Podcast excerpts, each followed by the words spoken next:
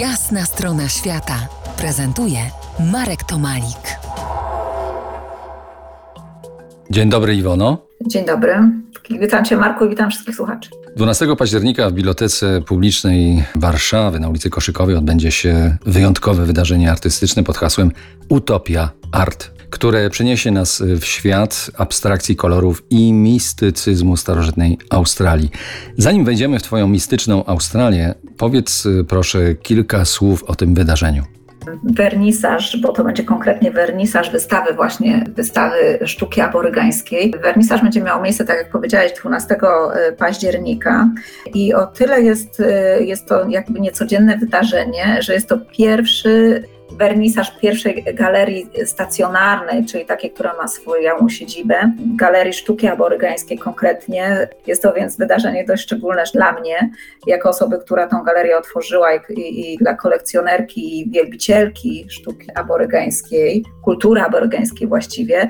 Jest to też wydarzenie bardzo istotne dla wszelkich kolekcjonerów, jakiejkolwiek, dlatego że sztuka, że, że obrazy aborygańskie y, jakby wmalowują się również trendy sztuki współczesnej, współczesnej, trendy malarskie, abstrakcjonizmu, minimalizmu i w związku z tym wydaje mi się, że e, całe wydarzenie będzie, będzie się cieszyło ogromnym powodzeniem nie tylko dla osób, które kochają Australię i interesują się jakby antropologicznie kulturą aborygańską, kulturą e, rdzennych mieszkańców Australii, ale również dla kolekcjonerów, dla kolekcjonerów sztuki i malarstwa e, współczesnego. No tak, ale będzie jeszcze koncert, koncert didgeridoo.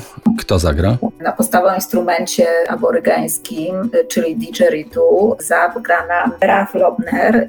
Będziemy mieć również 16-letniego chłopca, który przyjechał do nas z Australii, z Sydney, będzie grał na gitarze. Jest to w połowie rdzenny mieszkaniec, co prawda nie Australii, ale Nowej Zelandii, natomiast wychowuje się w, w Australii, wychowuje się w, w Sydney, jest wybitnym gitarzystą i myślę, że połączy troszeczkę właśnie te klimaty didgeridoo ze swoim basem, ze swoją gitarą.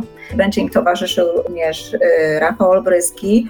Całe to trio myślę, że stworzy, ja nie wiem, y, oni pracują teraz nad swoim programem, ale myślę, że stworzą bardzo, bardzo ciekawą mieszankę różnych dźwięków i tych indigenous, rdzennych, aborygańskich, y, połączonych troszeczkę z kulturą naszą, współczesną, tutaj europejską i nowożytną australijską, tą młodzieżową. W związku z tym zapraszam bardzo serdecznie. Po jasnej stronie świata Iwona Pruszyńska, prawniczka polska i australijska z zawodu i wykonywanej pracy. Pół roku tu, pół roku tam, ale też dusza mocno zaangażowana, jak słyszymy, w promocję Australii w Polsce i Polski w Australii, o czym nieco później. A teraz zdążymy jeszcze powiedzieć, że prace prezentowane na tej wystawie pochodzą z Twojej kolekcji tak? Ja je zakupiłam w tym roku, w kwietniu, specjalnie już jakby z taką wizją e, przedstawienia e, tych obrazów większej e, publiczności i specjalnie je w tym roku wyselekcjonowałam bardzo uważnie w zaprzyjaźnionych galeriach australijskich. Dziewięć obrazów bardzo wysokiej jakości, malowanych przez artystów uznanych już nie tylko nawet w Australii, ale również międzynarodowo.